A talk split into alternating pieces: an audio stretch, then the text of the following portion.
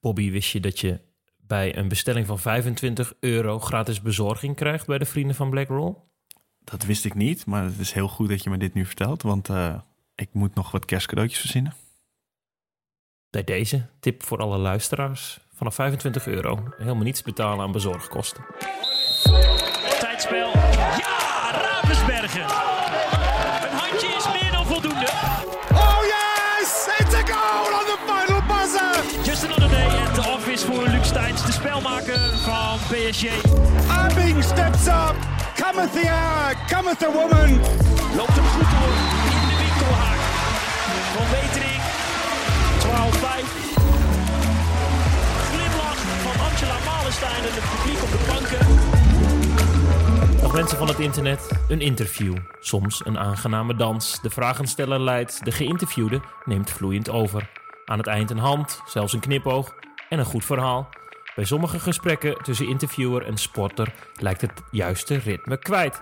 Vragen met de verkeerde melodie, trappen op de tenen, antwoorden uit de maat. Maar wie heeft schuld? Daar gaan het journalistje en zijn sidekick Bobby Schagen, tevens aanvoerder van Oranje, komt dat even uit, het in deze podcast over hebben. Eens kijken hoe we samen huppelen. Bobby, even eerlijk, kijk jij nog even in de spiegel als je voor de camera verschijnen moet?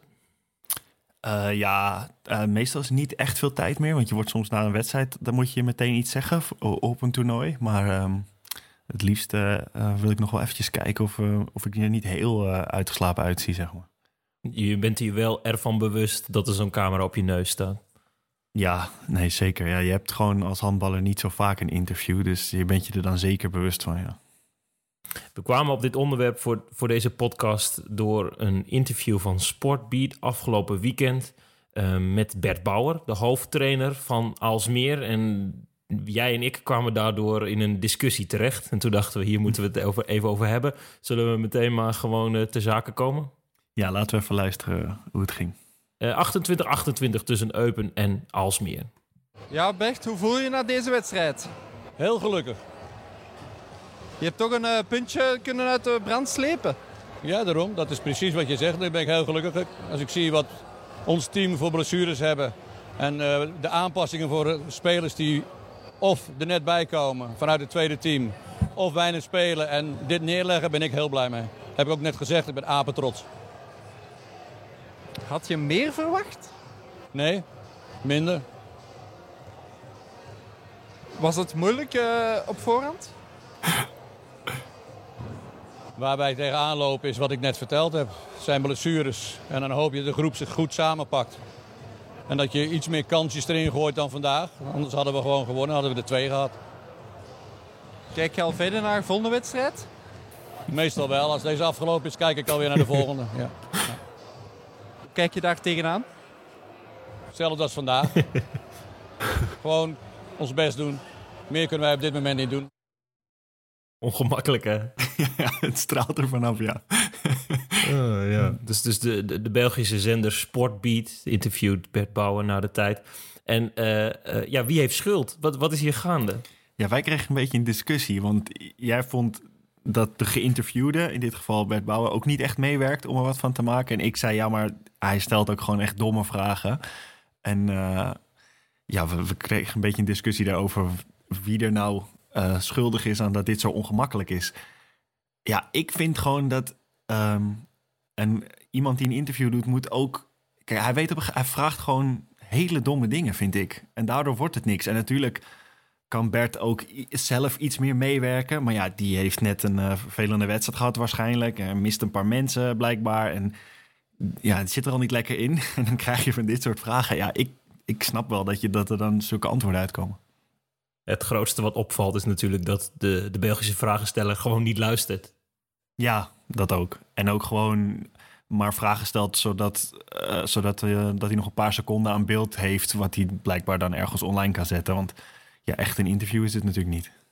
Jij wist me te vertellen dat hij voorafgaand aan het interview vroeg naar zijn naam, of had je dat verzonnen? Nee, nee, nee. Dat had ik, uh, ik had even een beetje nagevraagd waarom dit nou zo stroef ging. En toen hoorde ik dat hij ook nog vooraf vroeg van, uh, hoe heet jij eigenlijk? Dus dan begin, je al, ja, dan begin je al niet lekker natuurlijk. En ik vind gewoon dat je als journalist je in ieder geval goed moet voorbereiden, moet weten wat je wil vragen. En ook in ieder geval begint het met dat je weet wie je interviewt, lijkt mij. Ja, maar jij vond ook dat, de antwoorden niet, eh, niet echt meehielpen. Nou goed, in dit geval, eh, eh, Bert is dus... Want voorafgaand werd gevraagd hoe die heette. En toen had Bert, wat had Bert gezegd? En hoe kom jij overigens aan deze eh, background information? Ja, dat zijn mijn bronnen, die kan ik niet prijsgeven. Maar Bert had geantwoord, je moet beter je werk doen. Wat goed, ik een heel goed antwoord vind eigenlijk. Ja, daar heb je helemaal gelijk. En dan gaat de recordknop natuurlijk aan. En dan, dan wordt het een minuut lang ploeteren. En na antwoord 1 komt er eigenlijk al niets uit. Eh, en in dit geval, ik denk als je een andere trainer had gevraagd... die was misschien ook wel eventjes grumpy geweest... maar die had uiteindelijk misschien nog wel iets meer antwoord op de vraag gegeven. Want in dit geval was het gesprek al klaar voor het starten natuurlijk. Ja, kijk, uiteindelijk, je wil natuurlijk, een coach wil zijn verhaal doen, maar uiteindelijk de, de interviewer wil ook eh, vragen stellen, wil dingen weten. En deze man wil niks weten. Deze man wil gewoon met iets naar huis gaan wat hij eh, kan inleveren bij zijn, bij zijn meerdere, bij zijn redactie, denk ik, of zo. Want ja, echt heel ja, goede vraag heeft hij ook niet. En als dan zo iemand eh, met zo'n microfoon voor jouw neus staat... waarom is dat dan een gekke situatie, vind jij? Eh, je bedoelt gewoon nu na zo'n wedstrijd? Of, hoe- Ja, nou goed, in dit geval gaat, het, gaat het mis vooraf en dan wordt het toch op zo'n knop gedrukt. Ik denk wel eens, het is eigenlijk stiekem een heel onnatuurlijke setting met zo'n camera en een lamp op je neus. Hoe, hoe wordt het dan een uitgebalanceerd gesprek? Ja, het is vooral. eh, ik vind het niet zo g- een rare situatie als je het gewoon ergens op een moment doet. Maar meteen na een wedstrijd vind ik het wel lastig. Ik vind het ook moeilijk, omdat je heel vaak ehm, zit je zo in die emotie en je weet niet precies. Je hebt niet precies dat eh, overzicht van wat, hoe zo'n wedstrijd precies ging, waar het aan lag. Je hebt dat allemaal nog niet eh, verwerkt, zeg maar. En dat vind ik wel heel vaak moeilijk. En ik stoor mezelf vaak als ik voetbal kijk eraan hoe ze wat ze zeggen na, na een wedstrijd. Ik heb wel wedstrijden gekeken en dan denk je, jezus, waren ze slecht. En dan komen ze daarna en dan zeggen ze dat ze zo goed hadden gespeeld of zo, dat het wel goed ging. Dan denk je, hoe kan je dat nou zeggen? Maar als je dat zelf wel eens hebt na een wedstrijd, dan besef je wel dat het best wel lastig is. Want je hebt gewoon niet dat, die blik, die, dat overzicht, zeg maar. En als het dan eventueel niet goed was, ben je dan ook prikkelbaarder, denk je? Nou, kijk, het, het is als handballen. Ik, heb moeilijk, ik kan daar heel moeilijk wat over zeggen, omdat wij hebben één keer per jaar interviews direct na een wedstrijd. In de Bundesliga heb je, pakken ze één speler na een wedstrijd. Dat ben ik vaak niet. Ehm, dus ja, ik kan daar niet heel erg over meepraten. Dus ik, maar ik ben geloof ik niet echt prikkelbaar. Ik denk dat ik altijd wel redelijk snel eh, iets zinnigs kan zeggen, objectief. En ik zie ook, denk ik, wel snel de andere kant in. Dat het voor een journalist ook weer anders is dan voor mij. Handbal is natuurlijk Duitsland en de Bundesliga helemaal. Eh, als dan de Nederlandse pers uitrukt, eh, de titel van deze podcast, Domme Vragen. Worden er wel eens domme vragen gesteld? Heb je een voorbeeld? Ja, eigenlijk ja, met alle respect, maar constant. Ja, dat klinkt heel eh, stom, maar kijk, ik vind interviews eigenlijk altijd wel leuk als we bij een Nederlands team samenkomen en je, hebt, je moet dingen doen. Ik vind het in ieder geval niet, niet storend. Ik, ik zie het ook als iets belangrijks, iets wat erbij hoort. Je hebt gewoon de kans om je sport te promoten, om iets zinnigs te zeggen over handbal en mensen kennis te laten maken ermee. Maar het is wel vaak echt, eh, je kan niet de diepte in, zeg maar. Dat komt gewoon omdat ja, ik denk 95 van de procent van de journalisten gewoon heel onwetend zijn. Die ze weten niks van handbal. Ze, ze, ja, hoe zeg je dat? Ze verdiepen zich één maand per jaar erin. En dat, dat hoor je er vaak wel aan af. En dan krijg je heel vaak, eh, ja, hars is toch smerig. Eh, wat, wat, wat doet een hoekspeler precies? En eh, je bent altijd aan het uitleggen, zeg maar. En dat vind ik wel eens vervelend. Maar goed, ik begrijp het ook wel weer. Nou goed, de, de verslaggever moet de juiste context geven, maar moet natuurlijk zich ook inlezen. Of, of hè, misschien ook kwetsbaar opstellen. Zo van, hé, hey, ik eh, ben niet de kenner, maar eh, Ja. eh, help, me, help me iets begrijpelijks te maken... wat ook nog de diepgang ingaat. Dat- Zo kan het ook. Ja, dat is ook wel, denk ik. Ik vind het ook niet erg. Ik verwacht ook niet dat mensen handbalkenner zijn, zeg maar. Want ik begrijp ook wel eh, dat, dat dat niet zo is in Nederland. Alleen wat wel vaak irritant is, is dat je het idee hebt dat ze ook lui zijn. Zeg maar dat ze gewoon niet de moeite nemen om zich in te lezen. Dat je moet vertellen bij welke club je speelt, of hoeveelste ze staan, hoe lang je al bij het team zit. Ehm, allemaal dat soort dingen dat je denkt, ja, die, je had je ook een beetje kunnen verdiepen. En je krijgt gewoon heel vaak het idee dat ze eigenlijk ook liever bij een wedstrijd van Ajax hadden gestaan, maar dat ze zich nog omhoog moeten werken en dat ze door hun redactie naar handbal zijn gestuurd en dat ze in de auto dachten, hoe werkt het ook weer? En dat ze op YouTube even snel keken van hoe gaat die sport? Oh ja, oké, okay, Estefane Polman, ja, oké, nou, ik ga even iets vragen. Uh, je krijgt bijvoorbeeld elk jaar de vragen van, uh, zijn jullie niet jaloers op de vrouwen? En denk ja, ja, maar op een gegeven moment na een paar jaar heb je dat wel gehad, weet je wel, om dat te vertellen. En uh, ja, maar goed, ik begrijp het ook wel weer. Dus het is ook ja, ja, lastig. Uh, ik wil niet heiliger zijn dan de paus. Dus ik dacht, stel ik wel eens domme vragen. Ik ging naar het laatste interview dat ik hield. Dat was gisteren bij uh, het amateurvoetbalduel tussen Barenveld en Gieterveen, de vierde klasse C. En dan maak ik een, een, een, samenvatting voor op zondagavond. Het is al een zondag aan het eind van de middag. Dus tijdens het interview ben ik vooral op zoek naar een korte quote. Dus na een aantal vragen uh, had, ik, uh, had ik nog niet het antwoord dat ik wilde. Dus toen stelde ik hem nog een vraag. Beetje tegenvallend? Ja, 2-0 verliezen is nooit leuk. Maar ja, nou ja. Ja, ja dat valt tegen 2-0. Ja. ja, ja, nee, dat valt inderdaad wel tegen. Maar uh, ik, ik hoorde dit en toen dacht ik, ja, dat kan inderdaad, dat kan inderdaad handiger. Ja, maar wat, dat is wat je zegt, vind ik wel belangrijk. Dat je zei, ik heb nog niet het antwoord gehoord wat ik wilde horen, zeg maar. Hoe is dat als journalist, zeg maar, ga je van tevoren met een soort raamwerk van een verhaal uh, naar iemand toe? Of nou, je, je belt wel eens mensen voor Handbal Insight. Bedenk je dan van tevoren hoe het verhaal er ongeveer uit wil komen, moet komen te zien en zo? Bedenk je daar dan vragen bij? Of heb je ook wel eens dat je gewoon gaat en dat je gewoon kijkt waar het, waar het zich heen beweegt? In dit geval is er een tweedeling tussen iets op beeld en uh, schrijvend, denk Ja. ik. Hè, wat, wat hier op beeld gebeurt is, ik zeg, ik heb nog niet het antwoord dat ik wilde horen. Dat klinkt heel sturend, maar vooral ik weet dat ik vier minuten zendtijd heb. En ik weet dat ik al drieënhalf kwijt ben aan, aan al het voetbal. Dus dan weet ik dat er gewoon een aantal dingen compact moeten. Ehm, en, en als je schrijft wat je zegt en, en je belt, eh, dat kunnen schrijvende collega's eh, beamen, dan eh, ja, heb je wel een haakje. Maar ik vind het ook wat suf om dat haakje eh, daaraan vast te houden. Hè, als Ja. ik denk, eh, ik ga nu bij Bobby Schagen eh, ehm, eh, bellen en hij woont al tien jaar in Duitsland, dus hij zal Nederland wel heel erg missen. En na twee keer het gevraagd te hebben of je heimwee hebt, zeg jij nee, ik, ik- het is goed toe voor hier en ik denk dat ik hier voor altijd blijf wonen. Ja. Dan zou het heel dom zijn als ik ga schrijven dat je heimwee hebt of, of daar toch op toespitsen. Dus dan komt het weer aan op luisteren, denk ik. Ehm, hebben ook bij het interview van, van Bert Bauer, er wordt gewoon niet geluisterd. Er wordt gewoon een vragenlijstje afgewerkt. En wat jij zegt, dan zit er hopelijk wat bij wat je in je televisiesamenvatting gebruiken kunt. Maar dat is ook wel weer, en daar doelde ik een enkele minuten geleden op. Ik vind als je een textueel stuk schrijven moet, dan kun je lekker met iemand gaan zitten en dan voelt diegene niet die camera en niet die lamp. En soms als je de recordknop aandrukt, dan wordt het opeens een heel ander gesprek, omdat het gewoon overduidelijk zijn de rollen anders. Namelijk, ik sta lekker achter de camera, mooi veilig.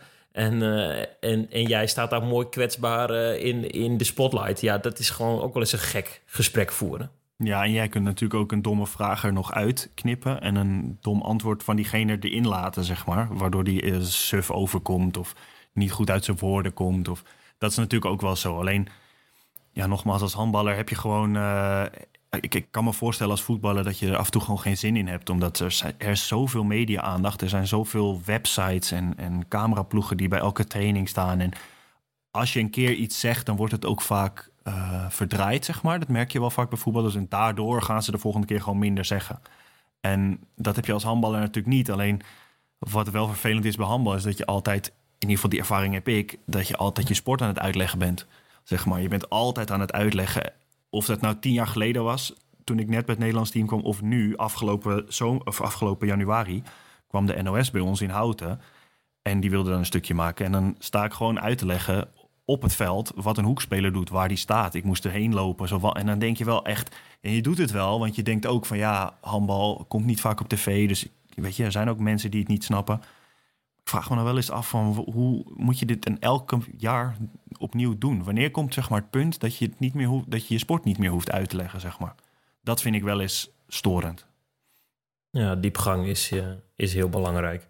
Ehm, eh, jij vroeg me een stukje van Memphis Depay uit eh, te knippen. Een voetbalinterview of Ja. hij een eh, transfer maken gaat. Dat is eigenlijk eh, de bottom line. Werk aan de winkel, is dat in Eindhoven of is dat ergens anders? De clubs staan in de rij voor je. Ja, die, verant- eh, die antwoord ga ik niet, bevra- eh, antwoord ga ik niet eh, beantwoorden. Dan wordt het een soort lelijk kat-en-muisspelletje. Ja. Dan, dan gaat het niet meer over de inhoud. Dat is natuurlijk ook vaak met, met interviews wel belangrijk. Dat, dat, eh, dat vooral bij het handbal vind ik, omdat je een stuk minder media-aandacht hebt, dat je ook iemand voor de camera zet die, die goed kan praten. En ik, dat vind ik bijvoorbeeld bij de. Ik denk dat dat een heel groot voordeel is geweest van de populariteit van de vrouwen. Dat op het moment dat zij goed gingen spelen, dat ook een beetje de, de uithangborden, bijvoorbeeld Estefana, die kunnen gewoon goed praten. Die kunnen goed voor een camera uit de woorden komen. Die zeggen leuke dingen, spontane dingen. Ik denk dat dat heel erg heeft bijgedragen aan waarom het nog steeds in de media is. Want ik denk als, als het Nederlands team toen uit, met alle respect, goede handbalsters, maar saaie vrouwen had bestaan, eh, was het misschien veel minder populair geweest. En eh, ja, dus dat, daar hebben wij heel erg geluk mee gehad, denk ik. Misschien met eh, zes keer Nieke Groot in het veld... eh, waren we twee keer zo vaak eh, wereldkampioen geworden. Maar misschien niet zo populair. Ja, terwijl ik denk dat zij heel goed. Ik denk dat, zij, dat je met haar bijvoorbeeld heel erg goed diepgang kunt krijgen in een, in een interview. Dus ik denk als zij bijvoorbeeld bij ons in een podcast zou zitten en we gaan echt voor diehards op spelsituaties in, op hoe je traint, hoe je beter Ja, kunt worden. Het zou mij heel vet lijken. Alleen ik kan me ook voorstellen dat zij al heel snel bij een telegraaf-interviewer heeft. Ja, wat, wat moet ik hiermee? Ik, kan- mijn verhaal niet kwijt. Zij is niet iemand die, lijkt mij, die een paar quotejes heeft die je bij RTL Boulevard of in de Linda kunt gebruiken. Nee, niet, niet happig. Eh, eh, wel happig. En dan hebben we het eh, over eh, Jack van Gelder versus eh, Estefana. Je noemde haar al. Ja, we wouden het publiek ook wat geven, hè? een beetje spanning. dus ja, we hebben het nu gewoon en we zitten in de finale. Wat wil je nog meer? Feest en eh, ja, zondag hè. Zondag, we zijn er klaar voor. Het wordt een hele bijzondere dag. Ja, het wordt een hele mooie dag. Dankjewel. Kan je nog één keer in mijn armen springen? Ben je wel eens in iemands armen gesprongen die een eh, goede vraag aan je stelde? Nee, nog nooit. Dit, dit slaat natuurlijk helemaal nergens op. Maar het is wel, voor handbal is het, heeft het heel veel gedaan. Want wij hebben het er nu nog steeds over. En mensen hebben het erover. En Jack van Gelder v- zegt, het wordt een hele bijzondere dag. Eigenlijk zegt hij helemaal niks. Maar, en hij beseft ook heel goed dat als hij haar nog één keer in zijn armen laat springen... dat dat voor iedereen goed is. Voor Siggo, voor de handbaldames. Dus ja, het is, het is ook een soort van interview, hè?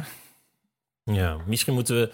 Eh, misschien gaat het niet alleen over domme vragen of akelige antwoorden, maar ook een soort van eh, eh, diepgang versus wat scoort. Ja, nee, ja, dat is ook een beetje natuurlijk. En je moet een beetje een mix van allebei hebben. Ik ben liever van de diepgang dan. En ik mis die heel vaak in het handbal. Maar ik begrijp het ook wel weer dat die er niet is. Alleen ja, wat ik zei, is het niet gewoon op een gegeven moment tijd dat je wel diepgang gaat hebben in interviews en in stukjes. En dat als mensen het niet snappen en denken, waar gaat dit over een handbal? Het is me te moeilijk. Dan moeten ze maar zelf op onderzoek uitgaan en gaan googlen. En moeten wij niet als internationals elk jaar uitleggen dat je maar drie stappen mag maken. Zeg maar dat je niet in de cirkel mag komen, vind ik. Maar ik weet niet, hoe, kijk jij daar tegenaan? Jij doet ook wel eens bijvoorbeeld korfbal. Toch? Ik heb je wel eens bij een korfbalveld gezien. Dat is niet jouw sport. Hoe, hoe doe je dat dan? Hoe bereid je je daarop voor? Dat lijkt mij ook heel moeilijk. Ja, en wat ik vooral geleerd heb, ik ben nu eh 29 en ik ben in dit vak sinds ik 22 ben. En ik vind wel dat ik door de jaren heen eh, mijn vak beter doe. En dan denk ik wel eens terug aan de tijd dat ik wat jonger was en me bijvoorbeeld minder goed inlas. En Mhm. dat ik dan wel eens denk, oh, nu heb ik volgens mij wel eens in het verleden stukken gemaakt waar een korfballer misschien van kan zeggen, hey, Ja. dat had meer diepgang eh, kunnen hebben. En, en in mijn geval is dan het belangrijkste, dan ga ik naar Nijenveen, DOS 46, onderdeel van de Korfbal League. Dat is het hoogste niveau. Ehm, dan lees ik me goed in. En dan inderdaad, eh, degene die je spreekt, daarvan weet je zeker de naam. Want anders eh, ja, eh, heb je inderdaad een valse start. Ehm, maar ik heb ook geleerd om wel te zeggen van... hé, hey, ik, ik ben niet een kenner. Dus, ehm, maar, maar ik ben wel... Hè, ik vond het wel heel leuk en ik vind het knap wat je doet. En, en zo probeer je dan toch... ehm, nou, niet diegene eh, op de tenen te gaan staan. Eh, ik heb nog nooit gevraagd van... Hey, eh, kun je uitleggen hoe deze sport werkt? Want ik denk dat het aan mij is om met bijvoorbeeld een voice-over... of, of Ja. iets anders context te geven. Ik durf het ook niet zo goed aan, aan, aan jou of, of andere sporters te vragen... want dat is inderdaad misschien wel meer mijn job. Ja, en het is natuurlijk ook, je weet ook voor welk publiek je een stukje maakt. En dat zullen geen korfbalkenners zijn, want het was waarschijnlijk voor RTV Drenthe. En dat zullen meer algemene sportliefhebbers zijn. Maar toch heb ik wel een beetje het idee, op een gegeven moment ook... als medium het zo in moet steken dat je ervan uit moet gaan dat mensen wat weten. En als ze het niet weten, dat ze het dan eh, overal kunnen vinden en op kunnen zoeken. Want het is ook soms. Je moet, je moet als handbal ook een stapje maken op een gegeven moment. Het moet op een gegeven moment wel een soort van algemene sport worden waar mensen gewoon weten hoe het werkt. In plaats van dat je altijd moet uitleggen wat een hoek doet. Ook al is het tien jaar geleden dat je het ook al hebt gedaan. En dan verdient het serieuze aandacht, de juiste duiding, maar ook echt wel diepgang. En dat is misschien wel iets. Kijk, wij, ik bijvoorbeeld, zit vol in het handbal met Handbal Insight, alles wat we brengen. Ehm, ja, maar misschien ehm, mag daar ook meer uh, diepgang in de zin van uitleg van het spelletje. En dan hebben we het vooral over de tactische zaken. Misschien belicht ik dat ook te weinig. Um, vind je dat? Nou, weet ik niet zo goed hoor. Kijk, je hoeft niet een hele diepgaande analyse te schrijven over een bepaalde 5-1-dekking van iemand. Want ik denk dat dat ook handbalvolgers uh, boven de pet gaat. Maar um, bij Handbal Insight is het gewoon al... Ik bedoel, jij legt nooit uit... Uh, weet ik veel, over tijdspel. Nee, over, weet je, nee. dat soort dingen. Dus het is al veel handbal normaler, zeg maar. Het is al veel hoe wij berichten. En dat vind ik dat was ook een van de redenen dat ik graag zoiets zou willen opzetten. Omdat ik altijd dacht, ja, nu ben je afhankelijk van landelijke media. En dat is altijd een beetje toch Jip en Janneke taal. En um, ja, ik vind het, dat moet je als sport ook niet willen. Hoewel ik het begrijp hoor, want de lezers van de Telegraaf zullen niet uh, weten hoe handbal werkt. Dus dan ga je naar, naar dat publiek ook een beetje toeschrijven, zeg maar. Stiekem is onze sport natuurlijk te klein om bij belangrijke mediapartijen specialisten te hebben. Als je handbal doet, doe je altijd uh, basketbal of volleybal ernaast. Dat is wel eens jammer. Ja, precies. Ja. ik heb een keer, omdat ik nu de Telegraaf zei, schiet me iets te binnen. Ik heb ooit een keer een interview gedaan op de redactie van de Telegraaf. Dat is vlakbij waar mijn ouders wonen. Ik was toen in Nederland. Werd ik uitgenodigd, kreeg ik een beetje rondleiding daar. Omdat, ik weet niet, ik, ik hou, ik heb wel een beetje interesse in media en ik vond het heel leuk. Dus ik zei, ik kom wel naar de redactie toe. En het uh, was een heel leuk gesprek eigenlijk. Ging ook over handbal, of gewoon best wel gewoon een normaal interview. En als je dan kijkt wat er uiteindelijk uitkomt. Er was één vraag, ging een beetje over of ik uh, een beetje rituele of autistische trekjes heb, zeg maar. En toen vertelde ik, in ieder geval, dat was een beetje aan het eind van het gesprek. En ik vertelde een beetje een soort dom verhaal over dat ik gekleurde wasknijpers heb. Maar dat ik altijd vind dat je een shirt wat ik ophang moet dan met twee wasknijpers van dezelfde kleur zijn of zo. Anders vind ik dat, dat kan niet anders. Maar dat sloeg nergens op, maar het was helemaal aan het eind. We hadden een heel leuk gesprek gehad. En dan wordt de kop van dat stuk was dan ik word uitgelachen om mijn wasknijpers. dus dan heb je zeg maar, heb je, weet ik veel, tien jaar als prof in het buitenland gehandbald en je zit in het Nederlands team. Dan haal je een keer de Telegraaf met een stuk en dan is dat, is dat de kop. Dan denk je ook, jezus, hoe, weet je. Ja, en ik begrijp het ook, want het valt ook op voor die lezers. Denken, wat is dit? Die gaan het lezen. Maar dan denk je wel weer, oh ja, zo werkt het natuurlijk. Ja, weet ik niet. Ik zit even eh, in de rol van verhalenmaker te denken hoe, hoe dit dan zit. En je wil natuurlijk niet een te algemene kop. En ik bedenk me dan, het, het gesprek dat jij dan gevoerd hebt, was het dan heel algemeen in de zin van: ik doe tien jaar nu Bundesliga handbal en ik wil graag dat de sport groeit en, uh, en ik ga ook graag terug naar Amsterdam? Of, of, of werden er ook echt wel levensvragen gesteld? Of uh, ja, ja. Had, het, had het genoeg inhoud en body om op zichzelf staand een, een betere kop te, eruit te laten rollen dan over die wasknijpers. ik denk dat je wel betere koppen had kunnen bedenken. Uh, maar het was wel een soort van algemeen stuk. Het was een rubriek die ze elke keer met sporters doen. Dus met enigszins dezelfde vragen.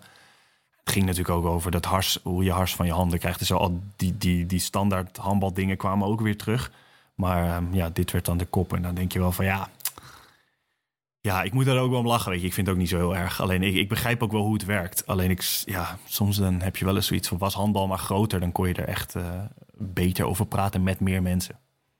Vraag je altijd als er mensen over je schrijven... dus dan niet met de camera en opname... maar vraag je altijd het stuk om, om te controleren? Ja, dit was precies een vraag die ik op had geschreven om aan jou te, te stellen... wat je daarvan vindt. Ik, ik heb altijd, uh, omdat ik natuurlijk ook door Handbal Insight en zo... door het magazine beetje daar ervaring mee heb, heb ik altijd zoiets van, nou weet je, ik geloof het wel. Ik heb gezegd wat ik heb gezegd en ik vertrouw de journalist dat hij er wat moois van maakt. Um, want ik vind het altijd een beetje, zie je soms ook wel eens met Handbal Insight, dan willen spelers of speelsters het, het nog terug van een journalist. En dan, ik zie dat dan soms voorbij komen, die wijzigingen. En dan denk je echt van, ja, waar, waar gaat dit over? Maar aan de andere kant begrijp ik het ook wel, want als er feitelijke onjuistheden staan, zeg maar, dat komt nog wel eens voor, dan is het wel gewoon fijn als je die eruit kan halen. Maar ik heb wel vaak zoiets van, ja, laat lekker, ik heb gezegd wat ik heb gezegd en het komt vast goed. Maar wat, vind jij als journalist? Want ik kan me voorstellen dat het een soort van voelt alsof je wordt beoordeeld door degene die je hebt geïnterviewd.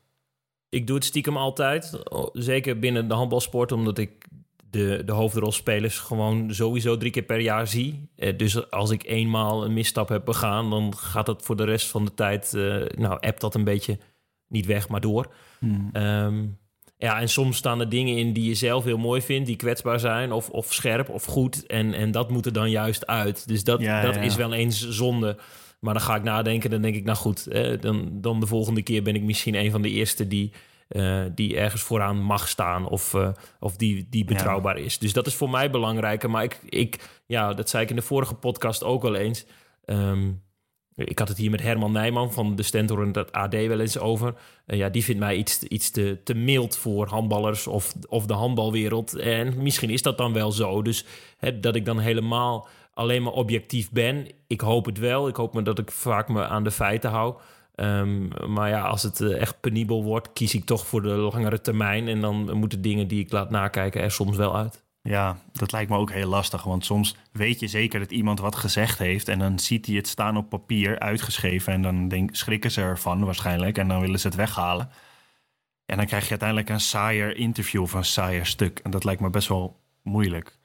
Nou, als voorbeeld bijvoorbeeld in de vorige magazines stond Rinka Duimdam. Die had eh, een burn-out en die heb ik benaderd van... hey, wil je in ons, ons magazine? Dus dat is dan minder happig, hè? Dat is minder, Mhm. eh, minder dat het gaat om echt kliks. Wil je je verhaal doen waarom je wel weer terug bent? En toen heeft ze daar even over nagedacht. En dan hebben we het uiteindelijk samen een goed gesprek gehad. En, en die heeft het wel twee, drie keer nog weer over willen zien. Dat is vaker dan gemiddeld. Uh, maar uiteindelijk was zij heel tevreden met wat eruit kwam. En, en was ze daar zelfs een beetje trots op. En, en had, vond ik ook dat het, dat het een aanwinst was voor het magazine. Dus ja, dan moet je een beetje geduld hebben. Um, maar als mens voelt dat dan ook fijner. Hè? Want ik, ik hoef Ja. niet iemand uh, onderuit te halen. En, en dat was helemaal niet het geval. Maar hè, soms zijn nuances hartstikke belangrijk. Ja, maar soms is het ook lekker als je een scherpe randje in een stuk hebt. En dat begrijp ik ook wel. Want je wil ook verhalen maken met mensen die iets te zeggen hebben. Natuurlijk. Zeker, maar als ik Depay eenmalig interview, dan spreek ik die waarschijnlijk nooit meer. Dus dan maakt het niet uit. En die is mijn naam al lang vergeten. Alleen, uh, uh, Ja. nou, jouw teamgenoten bij Oranje, die spreek ik een aantal keer per jaar. Mhm. Ja, ik wil niet dat die in de kleedkamer zeggen: ik ga Handel Inside niet meer spreken, want uh, ik vind Stijn maar een, uh, een idioot. Ja, nee, dat is natuurlijk een soort balans die je moet hebben. Alleen ja, daarom is het ook wel mooi dat je met een column of met andere dingen kun je wel weer wat meer zeggen. Dus je hebt natuurlijk ook verschillende manieren om iets naar buiten te brengen. Maar ik vind dat je feiten als... spreken ook voor zich. Hè? Ja. Als het een slechte wedstrijd is, dan zeggen de, fei- eh, de, de cijfers dat ook. Die onderstrepen dat dan. Dus, dus daar hou ik me dan graag aan. En uh, in het bijvoorbeeld het geval van Bert Bauer... als meer staat derde, uh, Eupen staat in het rechte rijtje... Uh, Bauer mist onder meer Samir Ben zijn beste speler... En, en moet het met een punt doen tegen een laagvlieger. Ja, dan zijn uiteindelijk de vragen die die, die, die Belg stelt... zo van, valt het een beetje tegen? Die zijn eigenlijk heel logisch. Ja. Alleen, uh, ja... ja uh, Bert stopt het, stopt het liever onder het tapijt. Maar ja, dan moeten we gewoon ook zeggen... uh, 28-28 bij Eupen is misschien te weinig voor Alsmeer. Ja, nee, dat is ook zo. En dan hij komt natuurlijk ook wel net van het veld en zo. En het is ook een beetje lastig. Alleen... Tuurlijk. Ja, ik, ik weet niet. Ik probeer wel altijd uh, ook mee te werken. En om, om er een leuk verhaal van te maken. Dat idee heb ik zelf ook. Omdat ik ook altijd denk... Ik probeer altijd een beetje na te denken van het, het grote plaatje, zeg maar, voor de sport. Is het ook gewoon belangrijk dat je wat te zeggen hebt. En je kan wel heel nukkig gaan doen, maar het heeft niet echt heel veel nut voor de sport, zeg maar. Nee. Over, over nukkig gesproken. Polman hadden we net heel blij voor de camera. Dat was in 2015 of 16. Afgelopen EK zesde plaats maakte zij tegen Spanje cruciaal een fout aan het eind.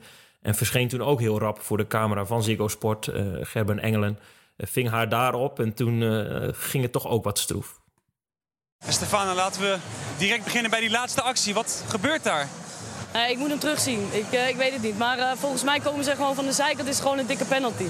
Ik, ik weet het niet. Ik moet hem terugkijken. Ik kan nu wel van alles zeggen, maar ik moet hem terugkijken. Het voelde in ieder geval onterecht. Ja, ja. ja. Een nederlaag. Nee, zo geen voelt nederlaag. Deze, nee, ja, zo voelt deze, dit gelijkspel, lijkt ja. mij. Ja. Want uiteindelijk koop je er niks voor. Nee, helemaal geen kloot. Je bent nog helemaal ondaan, maar je zit terwijl je achter mij mee aan het kijken bent. Maar is dat dan de conclusie? Jullie tonen karakter, spelen gelijk. Ja, maar je hebt er eigenlijk niks aan. Nee, Nee, je hebt precies. er niks aan. We moeten altijd gewoon moeten winnen, punt. Ja, ik heb er niet zoveel op te zeggen. Nee, zijn er verder nog aanknopingspunten dan? Nee, er resteert nog één wedstrijd, dit EK. Ja. Ja, haal je dan, dan toch nog iets positiefs uit uit deze wedstrijd? Nou, op dit moment even niet. Wat denk Nee, je ervan? snap ik. Nee, dat kan ik me volledig voorstellen. Ik kan een leuk interview geven, maar eh, zo leuk is het niet. Ik wil eerst Nee. die laatste bal terugkijken. Maar zo is het wat het is. Dankjewel. Ja, dankjewel. Ja. Het is wel veelzeggend dat ze eindigt met ik kan een leuk interview geven, maar. Dus misschien is haar insteek vaker van hey, ik, ik maak het vermakelijk en, eh, en, en, en leuk en aangenaam. In plaats van eh, dat we echt eh, het hebben gaan over de inhoud. Ja, ik vind wel sterk dat ze zegt van ik wil die actie nog eens terugzien. Ehm, alleen zegt ze Voordat ik wel, iets zeg. Ja, alleen wordt dan wel een beetje gevoed van voelt onterecht en zo. Terwijl, ja, ik weet niet, ik heb die actie ook een paar keer gezien en betere aanvallende fout kan je niet krijgen. Dus eigenlijk was het vrij terecht. Alleen ik snap, met, vooral met aanvallende fout is het heel vaak zo dat je niet precies weet. Nou, het kan heel onterecht voelen en als je het ziet denk je, oh ja, dat aanvallende fout, zeg maar. Ja, dat is natuurlijk moeilijk meteen na afloop. Maar ik vind het wel sterk dat ze dan zegt, ik moet, hem, ik moet het terugzien. En eh, ja, ik vind dat ze het op zich wel goed doet. Je hoort wel dat ze ermee zit. Ze is niet, ze is gewoon teleurgesteld en boos, maar ze is wel gewoon ook een beetje zichzelf voor mijn gevoel. Ik beluister dit fragment vooral in de schoenen van Gerben Engelen. Ja. ik denk echt dat hij denkt, help, haal me hieruit. Ja, denk je dat? Hij voelde dat Ja, maar dit is, dit is natuurlijk live op, op tv. Ze schakelen vanuit het commentaar eh, richting hem. En hij weet gewoon, ik kan niet na 10 seconden zeggen, weet je wat, we stoppen ermee. Ja, maar het is ook wel weer heel mooi om haar gewoon leeg te laten lopen, toch? Over zoiets. Ja, maar dat, dat, dat, ze laat zich dus niet leeg lopen. Hè? Uit de tent laat ze zich niet lokken. Juist om wat, hetgeen dat jij zegt. Ze wil het nog even zien. Ja. Maar, maar, maar dan probeert eh, mijn collega natuurlijk er dan nog televisie van te maken. Want je hebt Polman, een van de belangrijkste, eh, heb je voor je, voor je camera. Mensen zitten Ja. nog voor de buis. En, en er moet een verhaal eh, moet een, moet een einde krijgen of, of een quote moet erbij. Het Ja. is niet hapsnap. Ja, ik, heel pijnlijk. Ja, het, lijkt, het lijkt me ook heel moeilijk hoor. Want je moet ook nog maar de juiste dingen vragen waardoor ze iets, ook al is ze boos, waardoor ze dan nog iets zegt waar je mee wat, wat mee kan, zeg maar. Het is best wel, hij zegt op een gegeven moment, zijn er nog aanknopingspunten? En dan stelt hij, zegt hij meteen een, een seconde daarna, zegt hij, ja, er is nog één wedstrijd. begint hij over iets heel anders. Dus Hij, hij, later, hij, je merkt ook dat hij zelf zoekt naar van, wat kan ik eigenlijk vragen, wat, wat helpt. Dan moet je snel denken. Ja, kijk, iemand van de krant die kan ehm 20 seconden het gesprek hebben met Polman en denken: ja, weet je, ze wil eerst die beelden zien. Hier komt niks uit. Eh, We laten het erbij hier. Ja. En dit is live. Ja, dit is En zijn stem is ook nog te horen, dus je hoort hem inderdaad zoeken.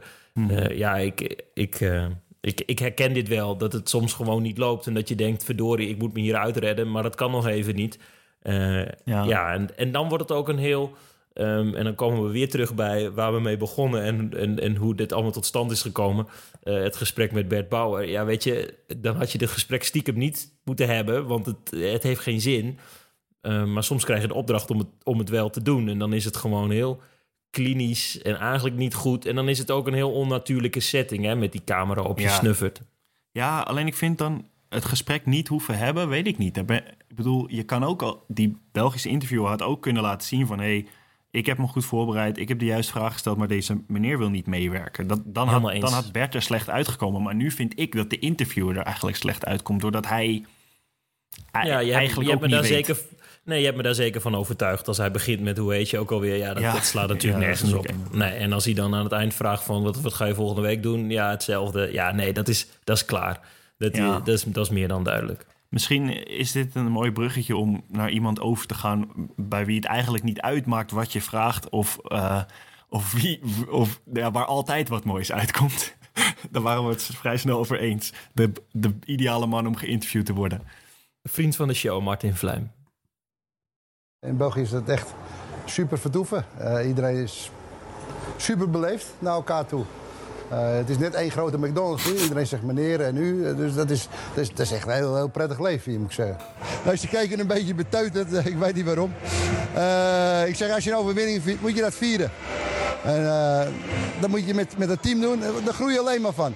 Ik zeg, eh, en als je iedere week dronken bent, dan ben je het eind van het jaar alcoholist, maar dan ben je waarschijnlijk wel kampioen. Ja, die leent zich wel voor dit soort spectaculaire en grappige uitspraken. Ja, nou, ik denk dat het daar niet heel veel voor uitmaakt wat je vraagt of wat je zegt. Hij heeft altijd anekdotes, is altijd... eh, volgens mij heeft hij altijd een goed humeur. Ik heb hem nog nooit echt in een humeur gezien dat je denkt, hij heeft geen zin. Hij kan goed praten, hij heeft goede grappen, humor. Dus ja, lijkt me de ideale persoon om te interviewen. Op het moment dat die Belg voor zijn neus stond en vroeg hoe heet u eigenlijk, denk je dat het zijn humeur had, had minder gemaakt? Ik denk dat hij gewoon had gezegd uh, André Hazes of Johan Cruijff of zo. dat hij gewoon heel over iets anders was begonnen. Dat had hem niet uitgemaakt. Echt heel goed. Kijk, maar jij zegt, en dat vind ik wel grappig, um, hè, het, het, maakt niet uit wat en hij zegt wel iets. Dus dat is de ideale uh, geïnterviewde. Ja, ik heb Martin uh, doorgaans vaak geïnterviewd toen hij bij Hurry Up zat. Ik heb hem wel eens in België opgezocht. En onlangs belde ik hem nog voor wat informatie over zijn oude club Eupen. Um, maar dat telefoongesprek, daar ben je drie kwartier verder. en sturen, uh, gestuurd worden, dat, dat, dat wil hij niet. Dus het ja. gaat van hot naar her. En dat is op zich in zo'n telefoongesprek. En dat maakt niet uit, want ik was met de honden aan het wandelen. Dus ik kan toch nergens heen. En dan is het heel gezellig en leuk. Maar als je zeg maar een video van Martin, een, een interview van hem. Ik ga even nu de diepte in wat betreft mijn werk. Op je tijdlijn hebt staan. Met alle, zeg maar, de, het, het, het ruwe materiaal. Een kwartier ja. bijvoorbeeld. En dat is nog kort bij Martin. Daar valt niet in te snijden. Ja. Het gaat van links naar rechts. Het is, uh, het is zo ingewikkeld om daar een goed verhaal van te maken. Omdat, hij, omdat hij ook gewoon, als hij stilvalt, dan zegt hij ja, nee. En dan gaat hij het gewoon over iets anders hebben. Ja, ja maar dat is ook dat is beter dan iemand die niks zegt, toch? Tuurlijk, dan een heel tuurlijk. saai iemand waar je echt aan moet trekken, zeg maar. En misschien bovenal is wel het belangrijkste, het is natuurlijk een gouden gozer. Ja. ja dat, is, dat is hartstikke leuk. Ja. Want jij belt ook vaak mensen voor een stukje op de site of zo voor een magazine. Maar hoe werkt dat dan technisch? Schrijf je mee of neem je het op met een recorder? Of hoe, hoe werkt zoiets? Ik schrijf mee, maar ik denk, ik ben dan weer niet de schrijvende specialist. Ik heb nooit voor een krant gewerkt. Ik werk dan voor, voor online Humble Insight. Maar dat is misschien nog niet de diepgang die bijvoorbeeld ons magazine heeft. Um, maar ja, ik schrijf mee op mijn laptop. Maar ik denk dat er veel meer oudere collega's zijn met meer ervaring... die bijvoorbeeld uh, aan een paar notities met een pennetje genoeg hebben... om ook het gesprek nog weer goed te herinneren. Dus dat is wel echt een kwestie van, van heel goed luisteren ook. Want, ja, want dat, zeg maar dat gesprek herinneren, dat vind ik altijd een beetje lastig. Want uh, schrijf je dan op hoe jij denkt dat iemand antwoord gaf? Of, want als je het opneemt, kun je letterlijk de zinsopbouw gebruiken... die iemand ook hoe iemand praat. Dus dan heb je toch veel betere weergave van een gesprek dan wanneer je zelf, zeg maar, in jouw schrijfstijl de antwoorden gaat schrijven die ik heb gezegd, bijvoorbeeld. Misschien is er een ijzersterke auteur die dit nu beluistert en die denkt: Stijn, je moet het altijd opnemen, juist om de redenen die jij nu opnoemt. Dus dat, dat kan ik niet beamen. Ik, ja, ik probeer wel goed te luisteren en de zinsopbouw mee te nemen in alles wat ik noteer. En daarbij ook de, de, de bijzondere uitspraken wel echt um, letterlijk te noteren. En dus dan laat je even een pauze vallen nadat het antwoord gegeven is, omdat je het goed wil noteren. Ja, um, ja ik durf te geloven dat ik altijd wel de kern weet te raken. Maar nogmaals, um, voor online zijn de stukken vaak ook weer wat, wat sneller. En ik spreek mm -hmm. toch al wel vier, vijf mensen door de week. Gewoon omdat we online ook dingen voorbeschouwen. Dus uh, ik zie mezelf geen ja. groot goed boek maken met een, uh, met een, uh, een speler om te interviewen, omdat ik denk dat mijn kracht daar niet ligt. Ehm, maar het is, wel, het is wel belangrijk wat je zegt om, om de, de mens goed te citeren. Ook om, om die persoon op een goede manier eruit te laten komen. Dat mensen die hem of haar goed kennen, die ja. lezen en denken: oh ja, dit is daadwerkelijk Bobby die dit gezegd heeft. Ja, want je kan ook, jij kan ook mensen beter eruit laten komen door, weet ik veel, een mooiere zin te maken dan iemand eigenlijk uit zijn mond kan krijgen of andere woorden te gebruiken. Dus je, je kan ook iemand redden, soort van. Maar als iemand heel kort af is, uh, kun jij er nog wat van maken door drie korte zinnen achter elkaar te zetten, waardoor het een soort verhaaltje lijkt. Terwijl hij eigenlijk op drie vragen heel kort antwoord gaf. En ja, dat, ik weet nooit zo goed wat dan beter is, zeg maar. Uiteindelijk moet je een juiste weergave hebben van hoe iemand is, toch? Lijkt mij. Ja, zeker. Heb jij wel eens een stuk gelezen over een teamgenoot of iemand bij Oranje waarvan je dacht, ja, maar dit is, uh, deze zinnen zijn sterker gemaakt? Niet zozeer omdat die persoon uh, achterlijk is, maar meer omdat je denkt, hey, dit is aangezet of aangedikt? Nee, weet ik niet eigenlijk. Zo'n goede vraag. Dat is me nog nooit opgevallen. Ik heb wel eens dat je stukken leest van mensen, voetballers of zo, en dan weet je gewoon, dit heeft diegene nooit zo gezegd op deze manier, zeg maar. Dat vind ik, dan wordt het meteen ongeloofwaardig, zeg maar. Ik vind het al overigens altijd wel heel leuk als een sporter een beetje meedenkt of enthousiast is. Misschien mm. het laatste nog wel eerder dan het eerste. Omdat ik ehm, hè, soms spreek je mensen en dat is dan of vals bescheiden... Of, of die zijn gewoon een beetje coole kikkers. Dat als je hen vraagt van... hey, mag ik je bellen voor een interview of, of wil je iets duiden... Ehm, soms, sommige mensen reageren dan heel cool. En dan denk ik, ja, volgens mij word je niet dagelijks als handballer uitgenodigd om, om je zegje te doen.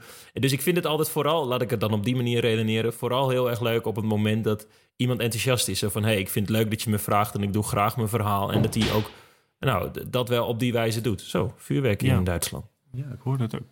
Ja, dat vind ik ook hoor. Maar heel veel mensen, handballers, beseffen denk ik ook niet dat je, eh, dat je echt wat kunt laten zien van jezelf en van je sport met een interview. En dat mensen die je volgen dat ook heel leuk vinden om te lezen. En dat je wat achtergrond, of ze willen het gewoon niet laten zien. Dat kan natuurlijk ook. Hè? Mensen die daar gewoon geen zin in hebben. En ik ben misschien iets meer een open boek. Ik zit hier ook elke keer te lullen in een podcast. Maar heel veel mensen hebben gewoon geen zin om hun mening te geven of om ergens over te praten.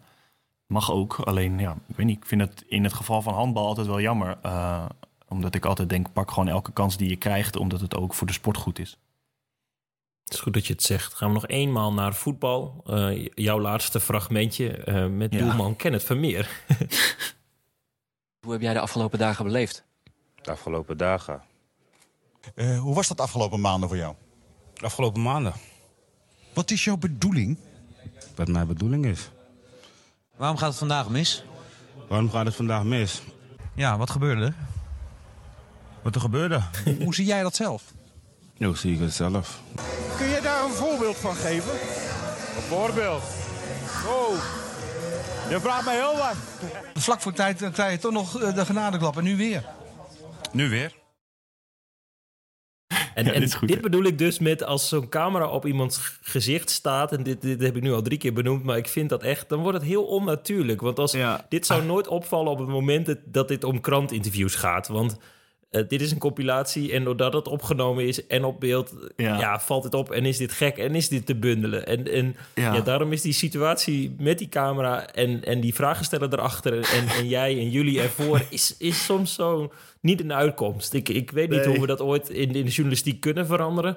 Maar die camera, die is, die is er. En die zorgt ervoor dat mensen zich gewoon raar gaan gedragen soms. Ja, dit is waarschijnlijk gewoon zijn manier om, om tijd te winnen en om, om na te denken over iets. En hij heeft waarschijnlijk niet door dat hij dit doet. En dit is een stukje, dat duurt 30 seconden. Maar je hebt ook op YouTube een ding van 2,5 minuut of zo. Dat hij nog, dit bij nog 80 andere interviews ook doet. En het wordt gewoon echt lachwekkend. Alleen, waarschijnlijk is dit gewoon zijn manier om eventjes...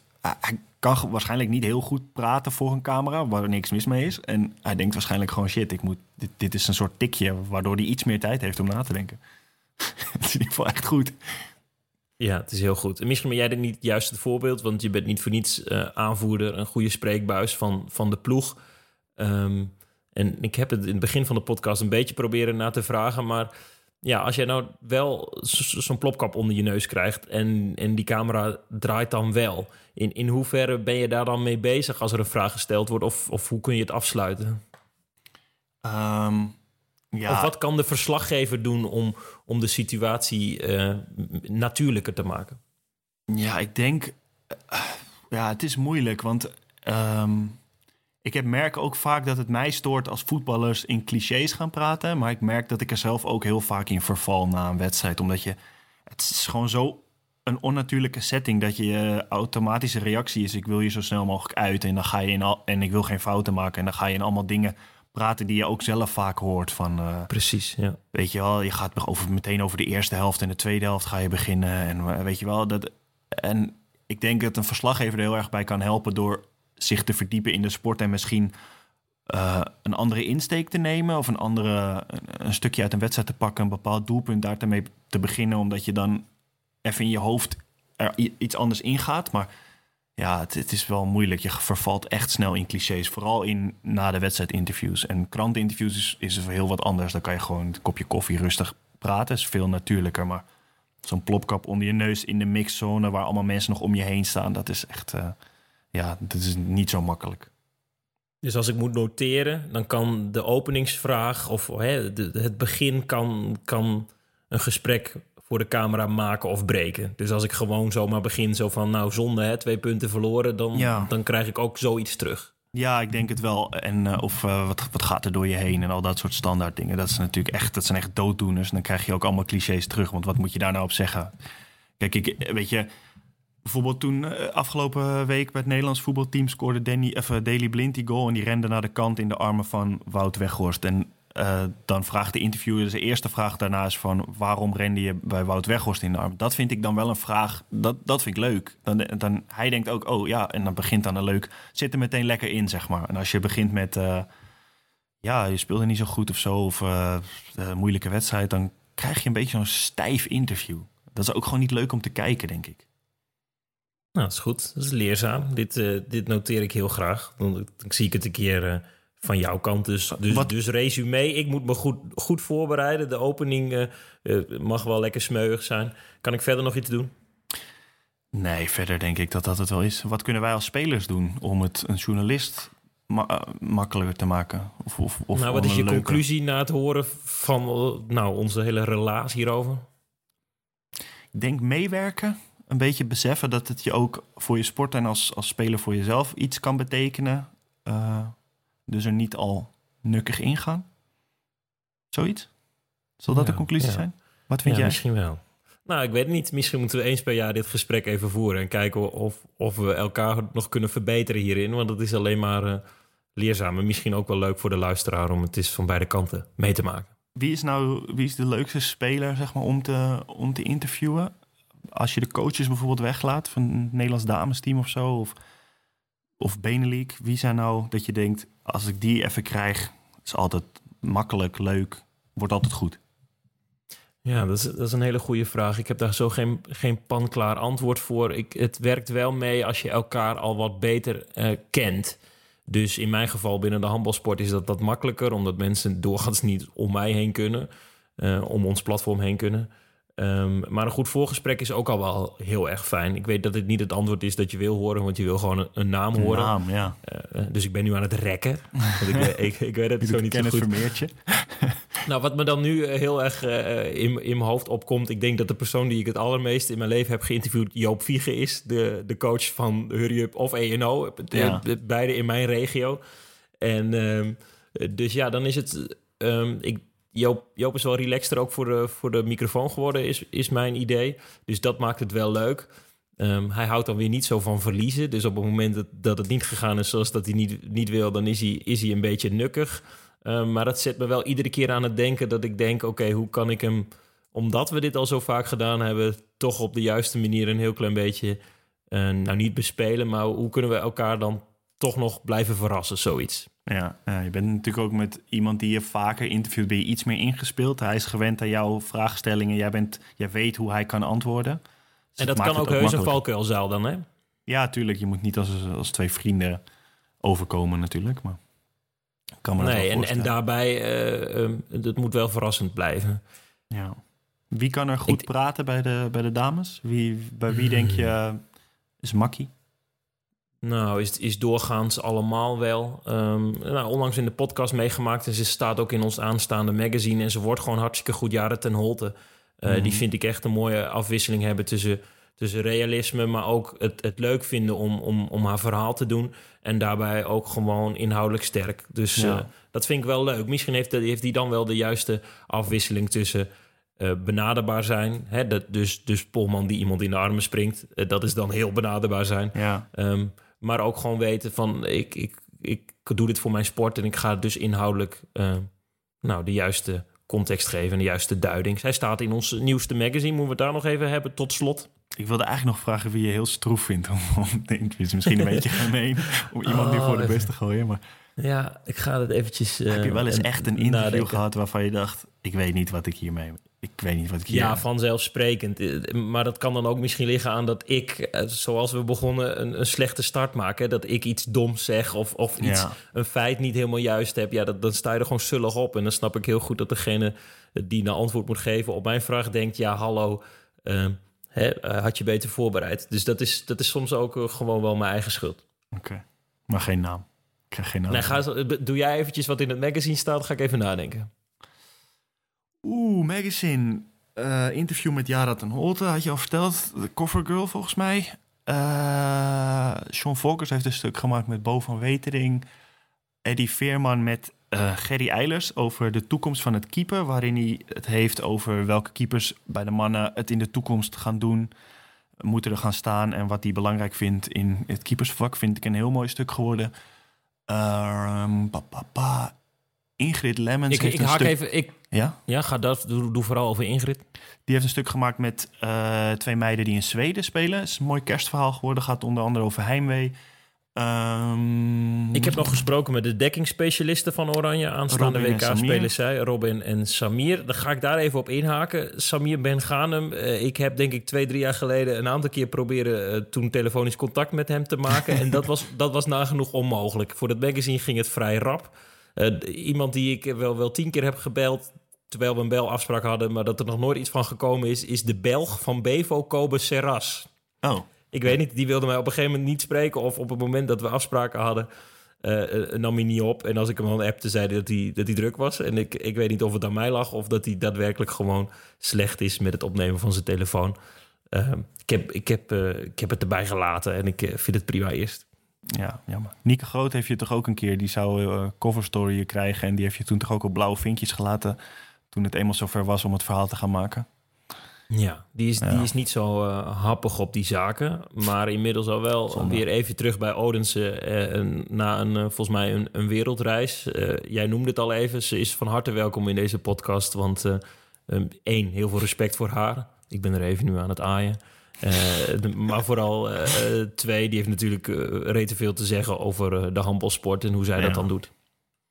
Ja. Dus mocht je dit luisteren, Nieke, en wil je het nog goed maken... dat je, dat je ons hebt laten hangen... dan moet je in een keer in de podcast komen. En inmiddels al, een, ik denk al wel vier jaar geleden dat dit geweest is. Zij toen niet in het magazine. verjaren niet. Dat zeg jij, dat zeg jij. het, het aanstaande magazine is voor kerst, is hij uit. Ben je nog geen lid, eh, wordt dat dan vooral. Je Wil kunt tot het slot ook nog een, up, nog een update cadeau, van... Sorry, je kunt het ook iemand cadeau doen. Dus dan geef je het iemand voor 25 euro... en die krijgt het dan vier keer. Dat is misschien leuk voor de kerst. Moet je nu snel de lid commerciële worden... manager van Humble Insight krijg je het eh, nog spreekt. voor de kerst. Sorry, update uit de tweede divisie. Heel goed. Ja, ook, ook journalistiek haakje zit eraan. Want eh, wij hier uit Barge Compascum staan mi- inmiddels allereerste, Bobby Schagen. Wat? Ja, ik zie jullie elke week zie ik overwinningsfoto's en zo voorbij komen. Tweeënhalve week geleden eh, won HVC van eh, de toenmalige koploper Achilles met liefst 27-17. En op dat moment zat ik in Zwarte Meer te werken. Dus eh, meer dan trots op mijn teamgenoten. Dat dan, houdt dat verband dat het nu zo goed gaat en dat jij af en toe moet werken tijdens de wedstrijden? Ik vrees van wel, want de wedstrijd daarop was ik niet zo heel sterk in de eerste helft. De tweede helft krabbelde ik gelukkig wat op. Maar maakte vooral mijn teamgenoten heel veel grapjes eh, over het feit dat ik meedeed. Zo van, verdorie, was alsjeblieft weggebleven. Ja, wel mooi dat, het, eh, dat jullie dit seizoen een beetje de andere kant van de medaille zien, toch? Goed hè? Ja, mooi man. En we staan inmiddels ook wel eens in de krant, want ik heb de krant zelf getipt. Ik zei, hallo krant, eh, jullie schrijven over heel veel andere clubs uit de regio... die nog weer lager spelen dan ons. Eh, Ja. Wij zijn misschien ook wel de moeite waard en ik weet hoe dat werkt... want die, we zijn gewoon een blinde vlek. Dus eh, nu zijn we geopenbaard en staan we er bijna wekelijks in. Dus eh, dat is eh, wel leuk voor, eh, voor het dorp en de club. Ja, mooi man. Ja, goed. Aristos ook bovenaan. Staat goed met onze eh, hometown clubs. Wat een, wat een seizoen. Ja, ongelooflijk. Het zou toch wat zijn de- als allebei kampioen worden. Dan moeten we En een soort mensen- special maken. Ja, en de mensen steeds om de twee weken maar weer podcasts in hun, eh, in hun app. Ja, ja wauw. Ah, Eentje nog hè, voor de winterstop. Volgende ja, dan ga jij een, eh, een wereldkampioenschap eh, spelen. Ja. Het is trouwens niet te zien op Ziggo, maar Fireplay. Ja, Fireplay. Ik noem het altijd Viaplay, maar het zal wel Fireplay zijn. Ja. Nou, dat weet ik niet, maar daar ga ik maar eventjes eh, goed op eh, inlezen. Het is belangrijk dat we dat goed uitspreken. Ja, doet dat nog wat? Eh, ja, dat is natuurlijk wel voor het bereik. Ik kan me voorstellen dat het handbal een stuk minder bereik gaat krijgen nu door dit. In het begin in ieder geval. Het bericht over de rechten die overgegeven zijn werd bizar goed gelezen. hè? Ja, dat is natuurlijk best wel een dingetje. Ja. Maar ze doen alleen de WK's, als ik het goed begreep, tot nu Ja, toe. tot en met 2024 blijft Ziggo Sport de EK's doen. Oké. Versnippering vind ik altijd jammer, maar goed, we gaan het zien. Eh, Ik ben heel benieuwd. Eindigen we ook nog journalistiek. Ja, goed. Dus het verhaal rond, zeggen ze dan toch altijd, journalisten. Vind ik mooi. Tjus, Bobby. Tjus.